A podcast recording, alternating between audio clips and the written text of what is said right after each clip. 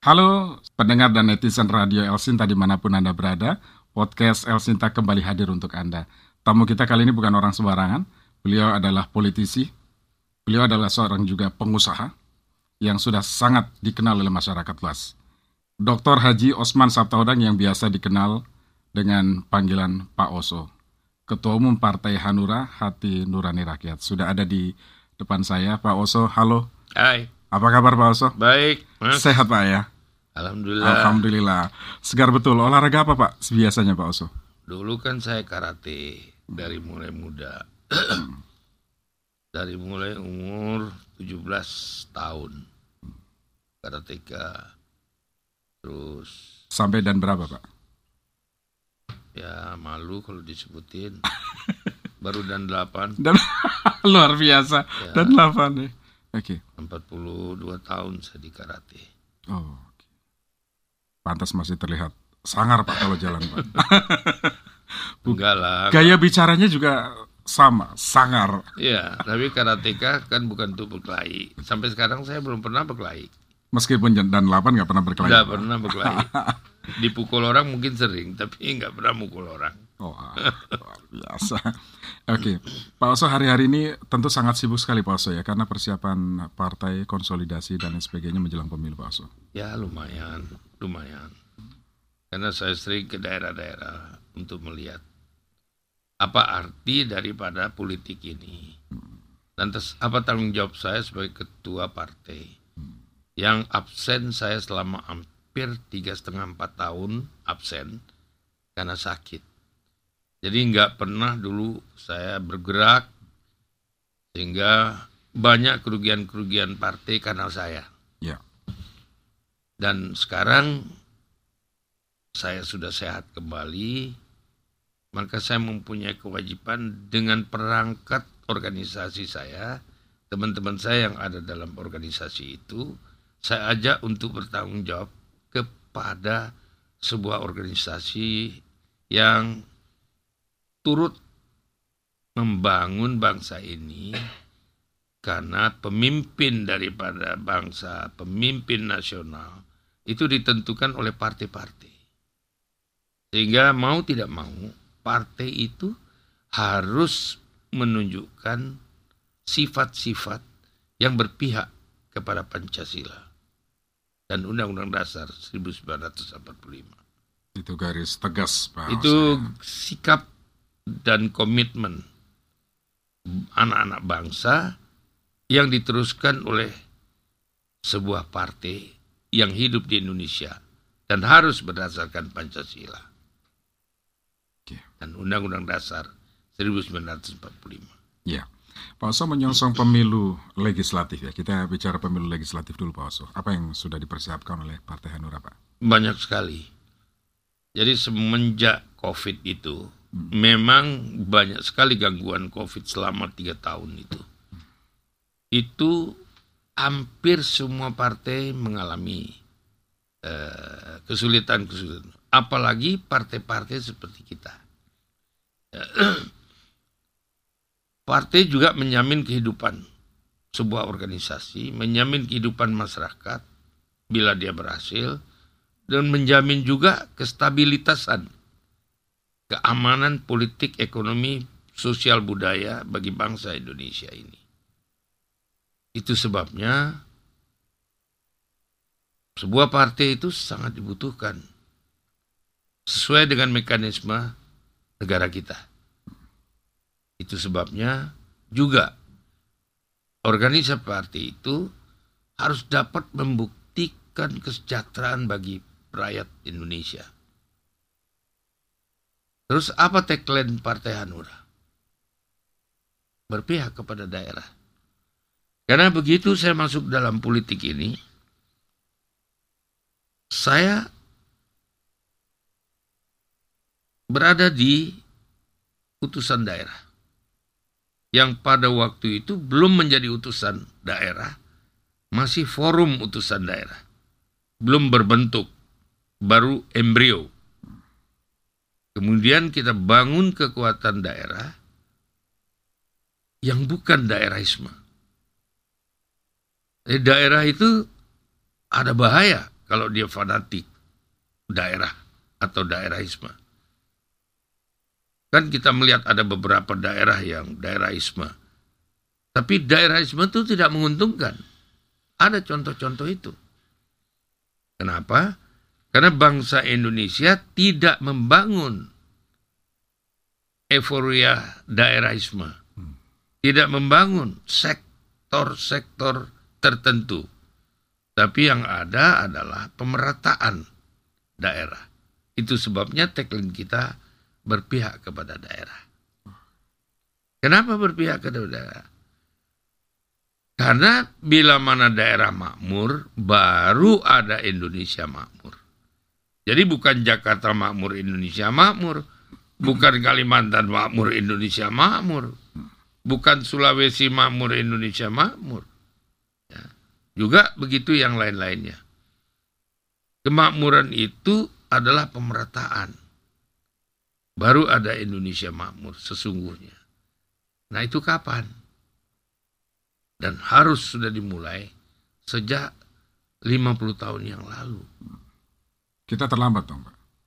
Ya saya mengatakan terlambat juga sulit ya. Karena setiap political will dilakukan oleh penguasa itu kita belum melihat sampai di mana tingkat memakmurkan daerah-daerah itu sendiri. Baru sekarang ini yang kita lihat ada terasa pembangunan infrastruktur seluruh Indonesia. Dan ini memang cita-cita bangsa. Hmm. Bukan karena baru sekarang ini, ini sudah cita-cita bangsa. Kebetulan yang melaksanakannya mengutip dari dasar-dasar pembangunan itu. Bagaimana mensejahterakan rakyat melalui mekanisme infrastruktur. Kenapa? Karena bagaimana mereka mau maju kalau infrastrukturnya menghambat kemajuan itu. Itu sebabnya sangat dibutuhkan sekali. Banyak orang bisa ngomong, tapi tidak bisa merasakan. Maka itu ada filosofi Jawa yang mengatakan, Mbok ojo rumongso bisa, bisa rumongso, gimana loh. ya. Nah ini ya. saya melihat memang Jawa itu merupakan barometer. Ya. Dan Jawa itu tidak pernah mengatakan kesukuan. Tapi Jawa itu membina ya dan berkuasa. Kenapa? Karena because mereka is majority di mana pun di dunia ini yang mayoritas itu selalu menjadi penguasa. Jarang sekali yang minoritas menjadi penguasa. Wah. Lah, itu fakta. Iya, iya. Jadi kalau ada orang bilang, ah presiden nanti orang saya orang Kalimantan ya susah lah. Begitu dipilih, yang milih orang Kalimantan 10, mm yang milih orang Jawa 300. Iya, iya. Ya kan? Itu fakta, ya. Jadi kita melihat itu maka kolaborasi dengan semua suku harus dilakukan untuk mencapai pemerataan pembangunan wilayah ya. daerah-daerah. Oke, Wah, luar biasa. Ya, Hanura memulai dari pemilu legislatif tentunya Pak ya, untuk me, me, apa, berkesinambungan yang pemerataan yang sudah dilakukan, pembangunan yang dilakukan. Nah, di Hanura sendiri sudah berapa caleg yang dipersiapkan Pak untuk kita mempersiapkan caleg itu adalah 485. Hmm. Tapi mana ada orang bisa dapat 100 eh, 485 semua partai? Enggak ada, enggak mungkin lah.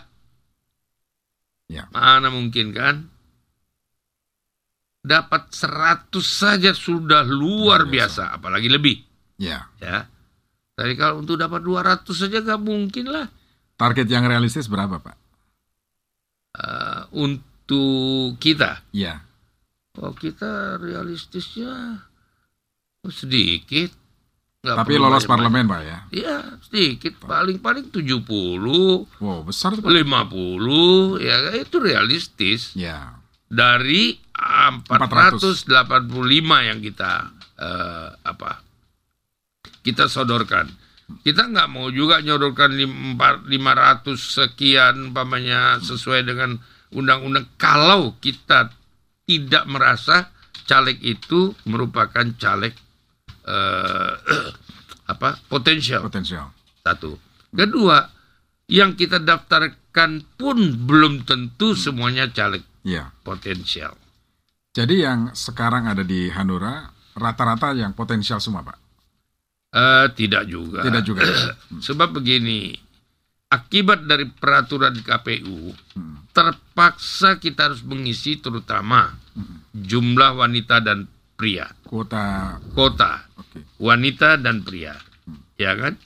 Itu persyaratan itu harus dipenuhi. Mm-mm. Nah, persyaratan penuhi kalau umpamanya pria, oh ada wilayah ini yang rasanya calegnya tidak potensial, ya, tapi harus ada untuk melengkapi caleg Syarat kuota. syarat kota Hmm. wanita dan pria. Iya. Nah, sehingga kita mikir,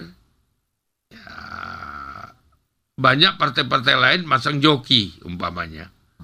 Itu sah-sah saja. Karena persyaratan itu harus dipenuhi. Joki maksudnya bagaimana, Pak? Joki kan bisa asal mencukupi jumlah kota untuk persyaratan yang disyaratkan Oh, oleh oke. KPU. Tapi tetap ada target di situ ya. Ya, di situ ada target, tapi target itu kan macam-macam. Kalau orang umpamanya berandai-andai ya boleh saja. Oh, ini target benar gitu. Ya boleh saja. Kita juga boleh begitu. Tapi hati nurani Partai Hanura tidak begitu. Oh, ini hanya formalitas. Oh, ini yang bakalan kita jadikan. Dan kita melihat dia memang punya kesungguhan, punya hati nurani untuk menjadikan dirinya sebagai wakil dari partai itu sendiri. Itu yang kita harapkan. Dan itu nggak bisa kita lihat. Siapa tahu isi hati orang, Ya. ya kan? Bahkan banyak beberapa daerah itu dibayarin, Ya. ya, supaya nyalek. Padahal belum tentu juga dia nyalek beneran. Ya. Uangnya diambil, dikasih biaya. Termasuk Hanura membiayai juga. Oh kita enggak, kita enggak ada yang biaya-biaya begitu. Kita biarin aja, mereka berjuang sendiri-sendiri. Kalau fasilitas, eh, atribut dan segala macam itu pasti kita akan turun tangan. Tapi kalau umpamanya caleg bayaran itu, ya nanti loyalitasnya gimana ya? Ya. Ya, jadi kalau dia bisa dibayar situ, dia juga bisa pindah Pasti tempat akan- lain, dibayar tempat lain juga. Tergantung siapa yang bayar lebih mahal kan. Betul, betul, betul. Ya. Karena partai itu soal loyalitas. Ya. Pak Oso ya. Oke, baik. Pak Oso, kita jeda sejenak, nanti kita beralih ke segmen berikutnya, Pak Oso. Oke. ya. Baik, pendengar dan netizen dari lantai 4 studio podcast Elsinta di Jalan MT Haryono di Tower Indomobil, kami akan hadirkan kembali wawancara bersama Pak Haji Usman Sabtaodang, Ketua Umum Partai Hanura. Pendengar dan netizen Radio Elsinta, terima kasih Anda masih bersama kami, podcast Radio Elsinta bersama Pak Usman Sabtaodang, Pak Oso. Dan segmen kali ini kita akan mengulas tentang positioning Partai Hanura, Pak, di pemilu presiden. Karena Hanura tergabung bersama PDIP mendukung Pak Ganjar Pranowo. Nah, sebelum eh, lebih jauh ke pilihan-pilihan itu, Pak, Pak Oso, penentuan bakal calon presiden, apakah Pak eh, Oso juga terlibat sejak awal sehingga nama Ganjar Pranowo muncul dan Hanura membulatkan tekad untuk mendukung all out? eh enggak juga tuh. Keterlibatan sejak awal tidak. Tapi bahwa saya melihat ada calon-calon yang ditampilkan itu ada tiga calon. Dengan melihat track record. Di situ keputusan saya bahwa Ganjarlah pilihan saya. Kenapa, Pak? Karena begini, ya pengalaman saya waktu saya di eh, 2000 eh 99 2004 saya sudah menjadi wakil ketua MPR dan dia sudah menjadi anggota DPR RI. Jadi interaksinya sudah cukup lama dengan Sudah tahu, sudah kenal Ganjar. Satu itu. Dia dua kali jadi anggota DPR RI. Terus kemudian dia juga jadi gubernur. gubernur kepala daerah. Dua kali. Dua kali juga. Nah, ini ada track recordnya di dalam pemerintahan. Kalau yang lainnya saya belum lihat gitu. Bahkan yang lainnya saya ada melihat uh, sesuatu yang ya sulit ya untuk saya mengambil satu uh, kesimpulan dan mendukungnya gitu. Karena saya orangnya lugu, apa adanya.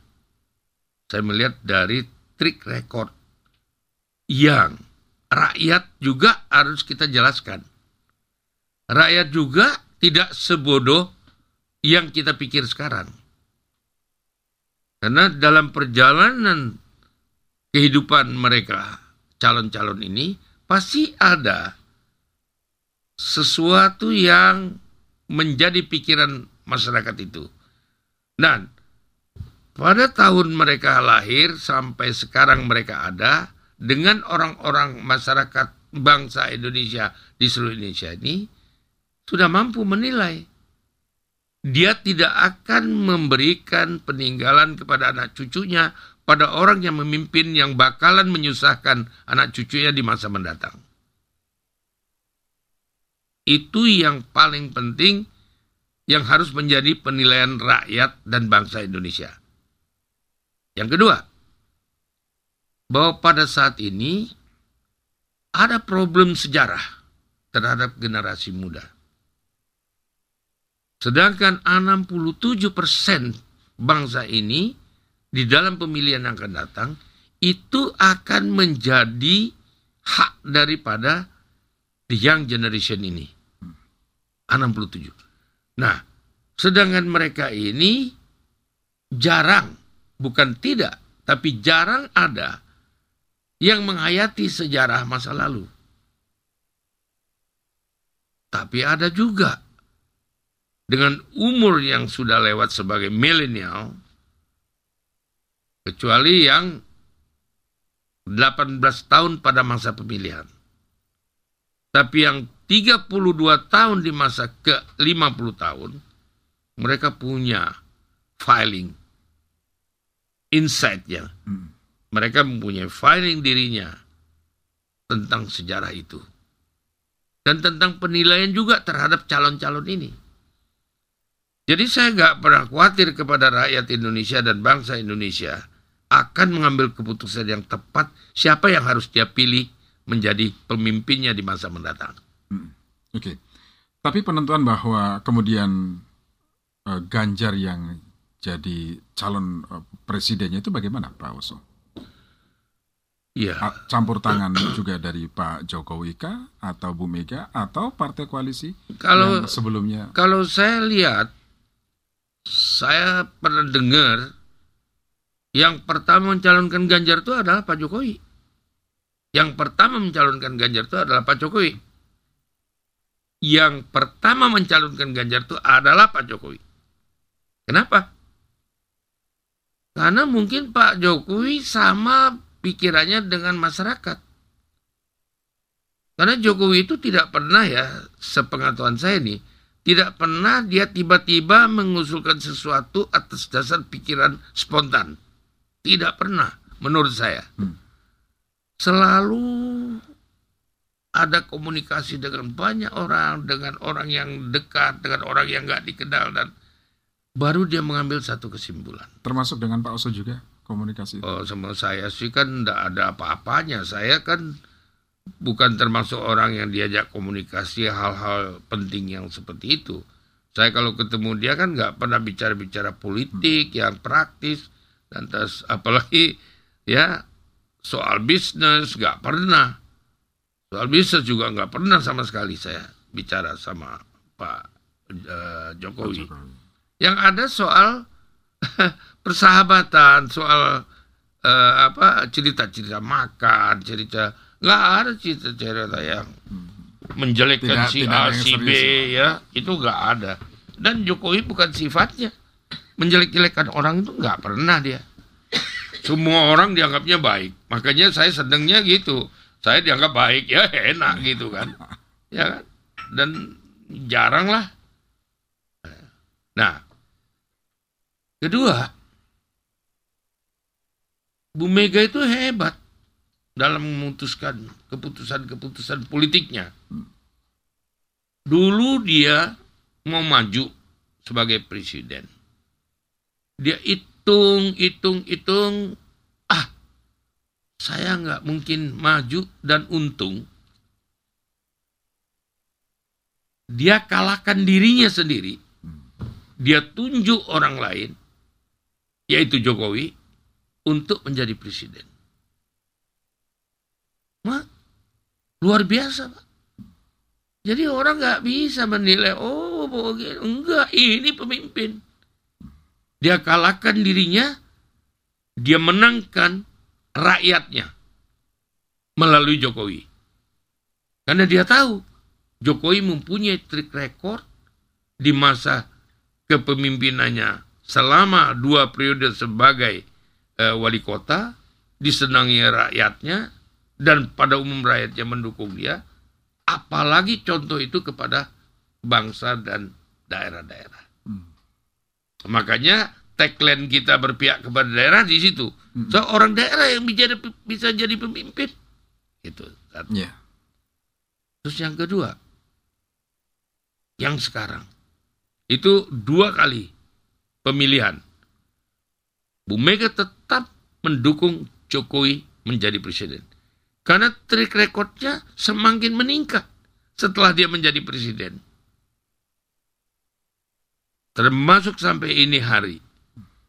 Trik rekod Jokowi yang tinggal berapa bulan lagi, dia punya presentasi produksi dan proteksinya dan peningkatan presentasinya masih di 85 persen ke atas.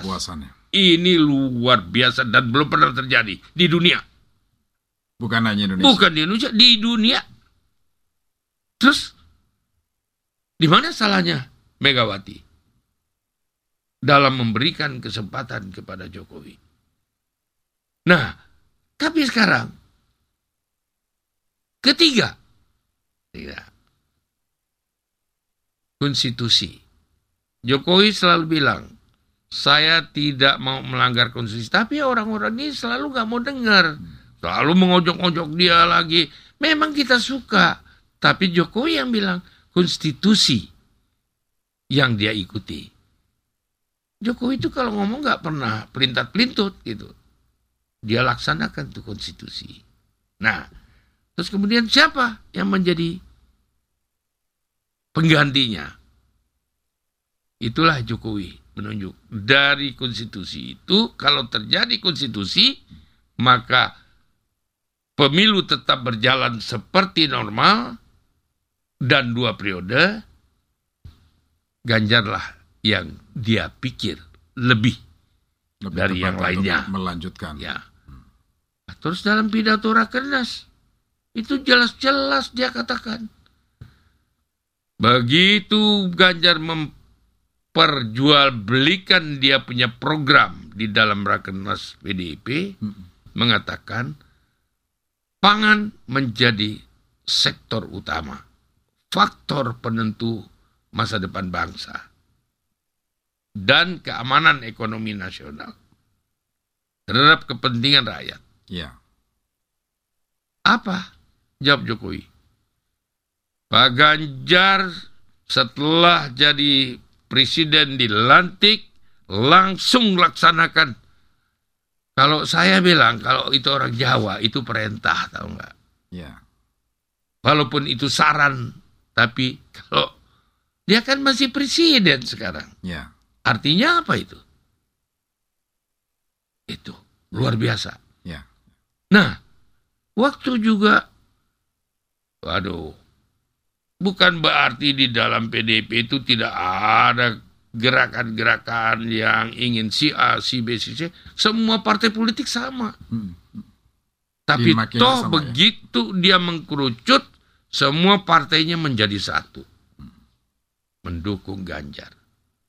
Jadi Jokowi mendukung Ganjar, partai mendukung Ganjar. Inilah kehebatannya kepemimpinan daripada Bu Mega itu. Dia mengalahkan keinginan-keinginan partainya untuk bisa melihat sesuatu yang Ya. lebih jauh lagi. Ini luar biasa. Ya.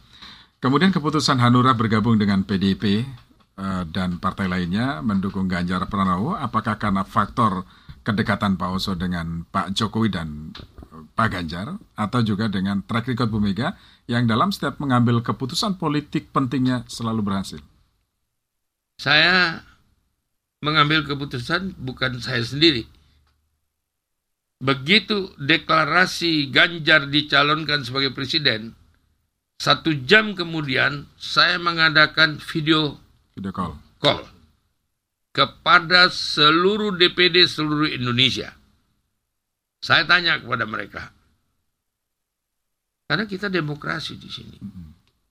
Saya tanya kepada ketua-ketua DPD Hanura seluruh Indonesia.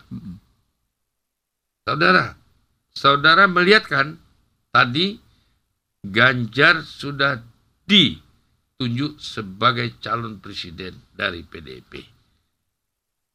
Karena ada Pak Jokowi di situ. Saya tanya, bagaimana menurut? Kita mendukung, kita mendukung, kita mendukung. Apakah boleh saya simpulkan bahwa DPP Partai Hanura mendukung Ganjar? Setuju. Oh, gitu. Mereka memang menunggu momen itu karena eh, karakter eh, kuat dari Pak Pak Oso yang bisa mengkonsolidasikan seluruh suara DPD untuk mendukung Pak Ganjar. Saya nggak nggak mengatakan begitu ya, tapi bisa saja bisa saja mereka berpikir gitu, bisa saja mereka punya pikiran sendiri. Karena ketua-ketua DPD saya itu nggak pernah saya intervensi. Mereka berkembang ya menurut ukuran kemampuannya mereka sendiri-sendiri. Nggak ada itu perintah-perintah. Seluruhnya serempak. sepak- Serempak dan hadir semuanya. Oh, Dan di di apa di apa itu? Zoom. Zoom. ya? Oh. Di Zoom. Nah, itu kita selalu kan Jadi satu file. jam setelah Bu Mega mengumumkan. Satu jam dan kita menyatakan declare mendukung Ganjar. Karena ini udah terlalu lama kemarin itu Ya. calon-calon ini ditampilkan. Tapi ada ada lagi Pak Oso yang terlalu lama juga belum diumumkan. Tapi nanti kita di segmen berikutnya Pak Oso ya. Pendengar bersama Pak Oso akan kami hadirkan kembali di segmen berikutnya.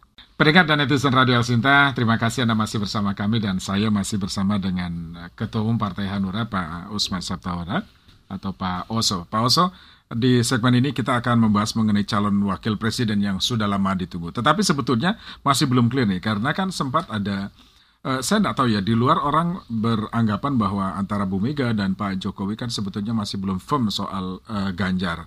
Sehingga orang banyak mengartikan, ini Pak Jokowi ke mana sih sebetulnya? Ke Pak Ganjar, apa ke yang lain? Kan begitu ya. Eh, ini juga berpengaruh kepada para pendukung relawan-relawan Pak Jokowi. Nah, sebetulnya bagaimana nih Pak Pak Oso yang Hmm. terjadi gitu ya? Kalau saya yang melihat ini politik ya. Politik antara Mega dengan Jokowi. Mereka terlalu canggih dalam memainkan peran politik di Republik Indonesia.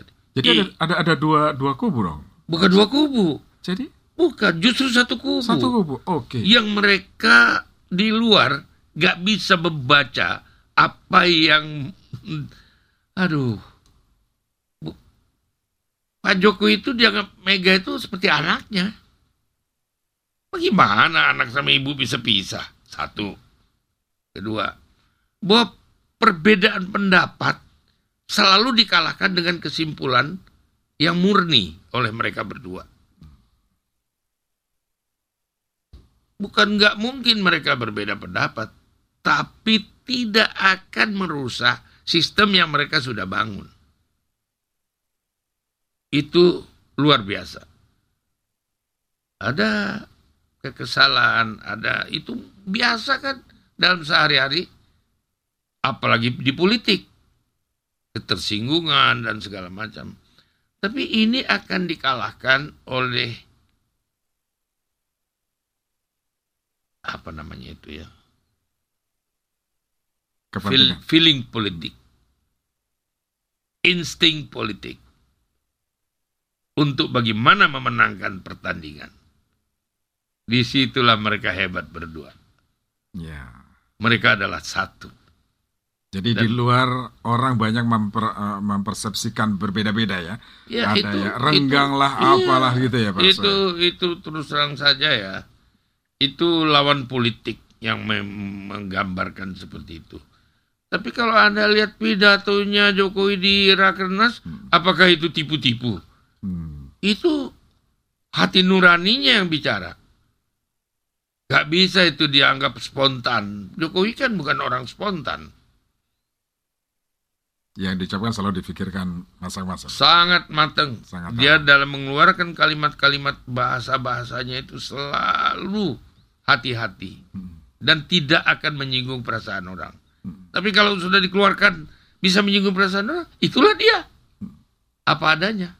Ya. Gitu. Tapi yang terbaru kan yang menarik eh, Kaisang yang jadi ketua umum PSI kan justru dekat juga dengan Pak eh, Prabowo misalnya. Bahkan orang mempersepsikan dia akan mendukung Pak Prabowo. Kan bertolak belakang dengan pilihan Pak Jokowi. Loh. Itu mengganggu tidak hubungan Sekarang siapa yang nggak dekat dengan Prabowo? Semua orang juga dekat dengan Prabowo. Siapa yang nggak dekat dengan Ganjar? Semua orang dekat dengan Ganjar.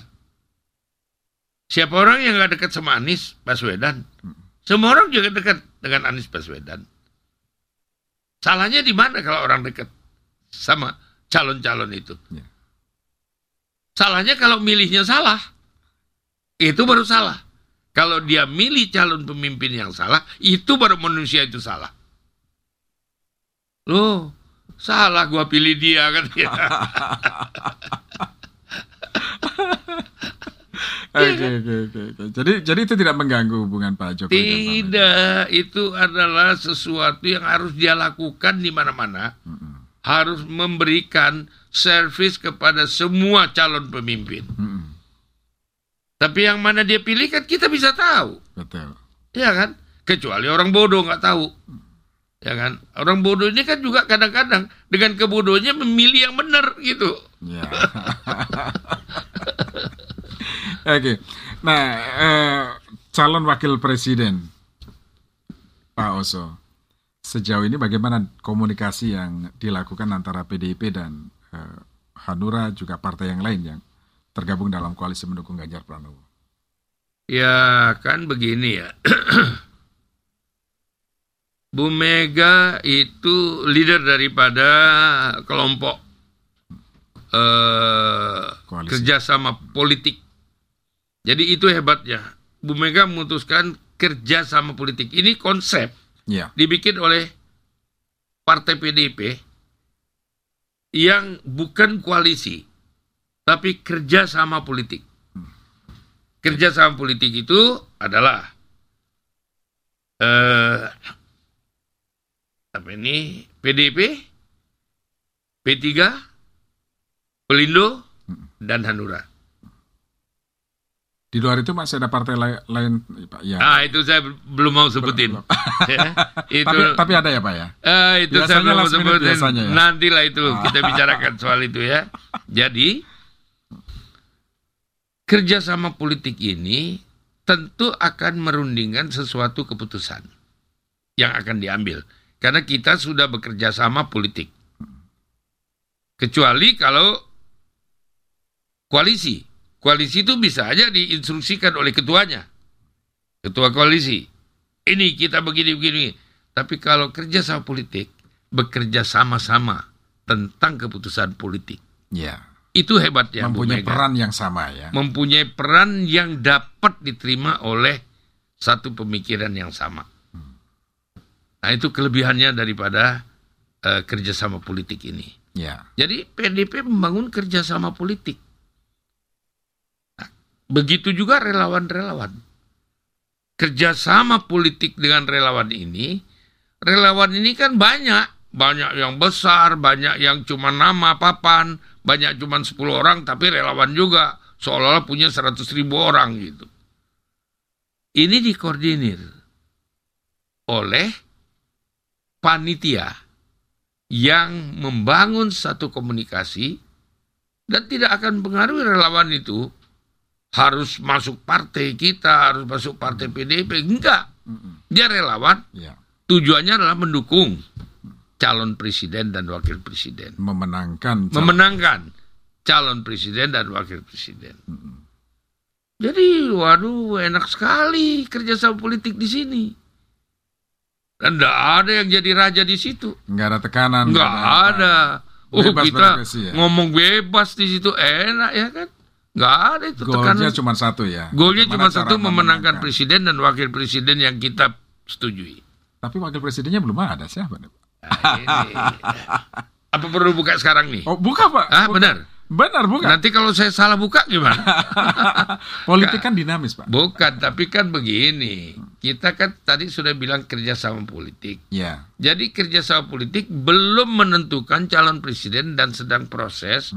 Ya, besok kan kita ada rapat. Mudah-mudahan aja besok putus. Besok diumumkan atau besok di Enggak, mungkin. Mungkin besok kita sudah bicarakan soal itu. Ya, Itu karena besok prosesnya- setiap Rabu Setiap Rabu ada rapat. kita rapat ya pimpinan partai Hmm. eh, kerjasama politik. Oke. Kalau pengum- eh, memutuskan calon presiden kan Bu Mega ya, PDIP ya, mem- memutuskan Ganjar Pranowo sebagai calon presiden, begitu ya. Tetapi begitu wakil presiden ini kan sudah ada partai koalisi, Pak. Nah, mekan, eh, prosesnya apakah melibatkan juga eh, dengan kerjasama politik tadi dibicarakan usulannya dari masing-masing partai koalisi siapa, kemudian nanti di, diputuskan dalam rapat sehingga muncul satu nama begitu. Kita mungkin besok baru membahas soal itu. Secara formal. Ya, secara formal mungkin baru besok karena agendanya eh, sampai sekarang kita belum terima agenda rapat besok.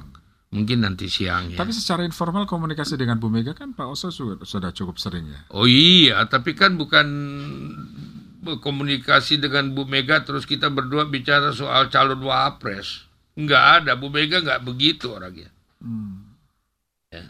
Bu Mega itu sangat sangat eh, apa eh, komunikatif ya bila mana kita tidak ada itu komando atau memaksakan itu nggak ada. Makanya orang banyak salah sama dia. Salah. Saya kan kenal dia udah lama. Saya tahu sifat-sifatnya. Nah, dan lagi jangan lupa bahwa dia wanita. Ya. wanita Sel- kan ibu selalu- kita. Iya. wanita kan ibu kita. Kita dilahirkan kan oleh wanita. Iya. ya kan? Ya. Nah, seorang ibu lah. Jadi penentuan calon wakil presiden baru besok kemungkinan itu pun kemungkinan baru akan di, dibahas. Ya. Kalau nama-namanya sudah dibahas dong secara informal. Baik belum koalisi- belum. Nama-nama belum. dengan dengan partai pendukung yang lain? Belum belum. Secara Belum. informal juga belum. belum. Jadi kalau yang di luar sudah muncul nama si A si B itu? Ya itu biasa kan. Di mana-mana juga muncul nama-nama calon ya kan ya Ta- kan? tapi yang memunculkan orang yang ada di koalisi itu, eh, yang ada di di pendukung Pak Ganjar itu partai yang ada. ya Artinya secara secara informal barangkali dibicarakan juga misal dengan Hanura, Perindo atau P3. belum ada rasanya mudah-mudahan ya besok itu eh, karena saya siang ini baru dapat agenda habis kesalahannya El Sinta mengundang saya jam 10 pagi kok jam 6 sore mungkin udah keluar itu agendanya ya Tapi ada ada berapa Pak sebetulnya yang oke kalau begitu Pak kira-kira sosok seperti apa yang pas menurut Pak Oso ya ini menurut Pak Oso ya ya yang bisa mendampingi Pak Ganjar. saya mohon sekali saran dari El Sinta. Siapa yang kira-kira yang bisa saya calonkan sebagai calon wakil presiden? Bisa nggak dibuka di sini? Nggak bisa Pak. Kalau Hah? Elsinta. Elsinta bukan Bukan, maksud saya kan Ah. El Sinta memberikan saran kepada saya.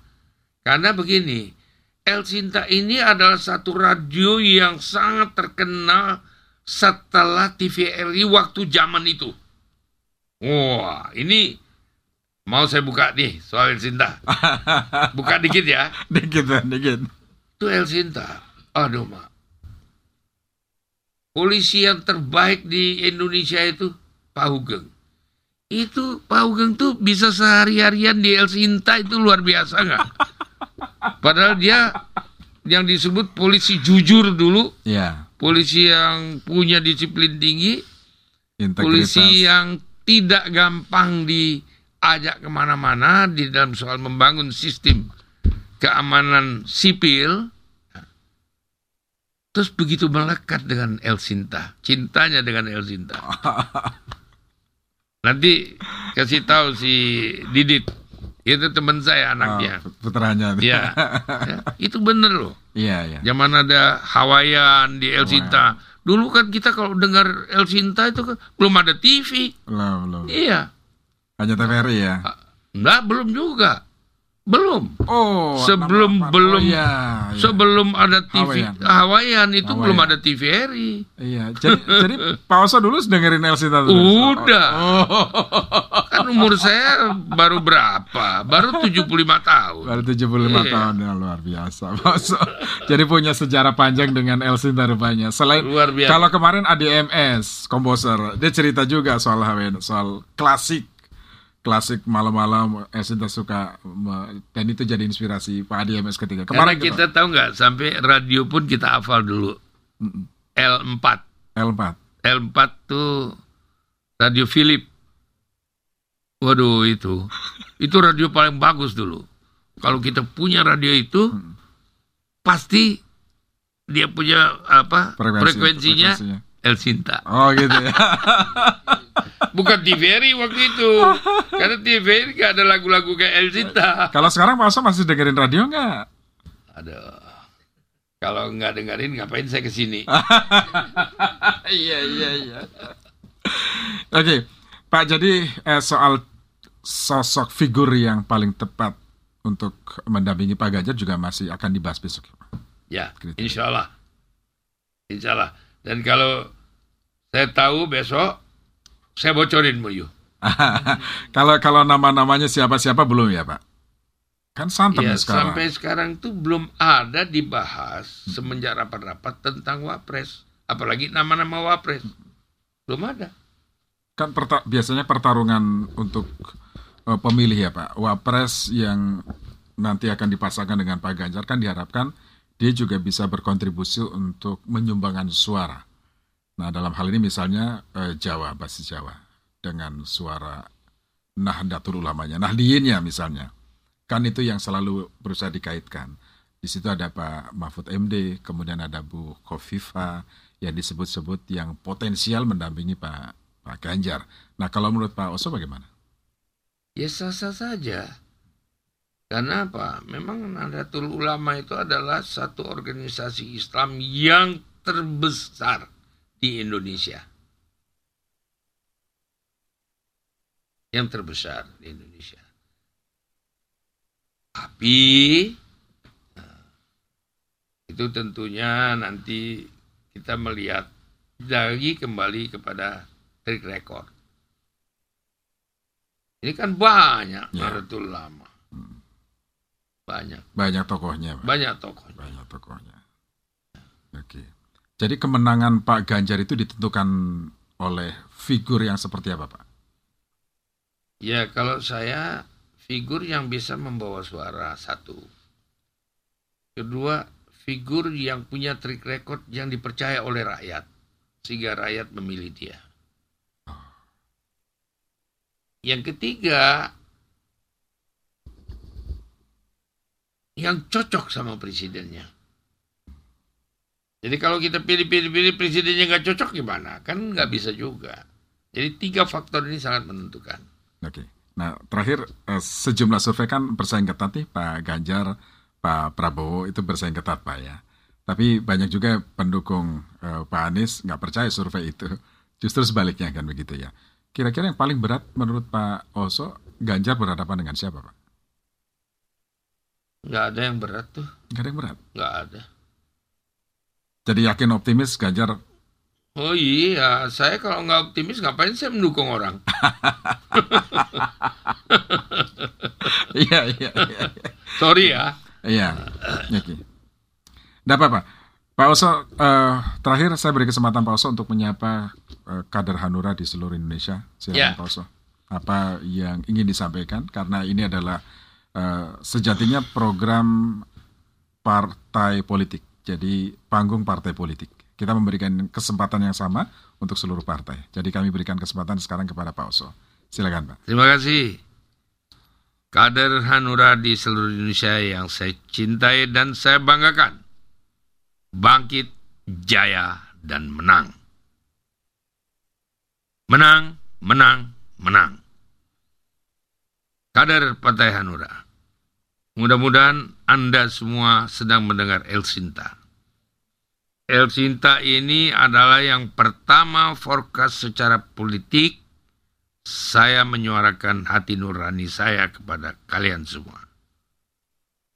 Kalian harus tangkap, menjimak ini, dan bekerja keras di seluruh Indonesia untuk memenangkan Partai Hanura.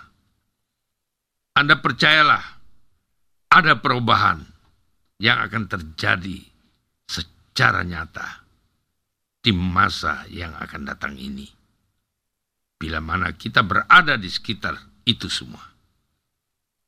Bila mana kita tidak ada siapa yang akan menyampaikan pesan daerah. Siapa? Kita kan sudah lihat sekarang. Semuanya tidak ada. Hanya ada Anda. Terima kasih. Baik. Terima kasih Pak Osman Sabtaodang, Ketua Umum Partai Hanura, sudah singgah di podcast Radio El Sinta. Sukses untuk Anda Pak, saya selalu Pak Osman. Terima kasih, terima kasih, terima kasih El Sinta. Pendengar dan netizen Radio El Sinta, demikian tadi panggung partai politik bersama Ketua Umum Partai Hanura, Osman Sabtaodang. Nantikan panggung partai politik pada kesempatan yang lain dengan narasumber yang berbeda. Saya Swirio langsung dari lantai 4, Tower 4, Gedung Indomobil di Jalan MT Haryono. Saya Swirio, sampai jumpa.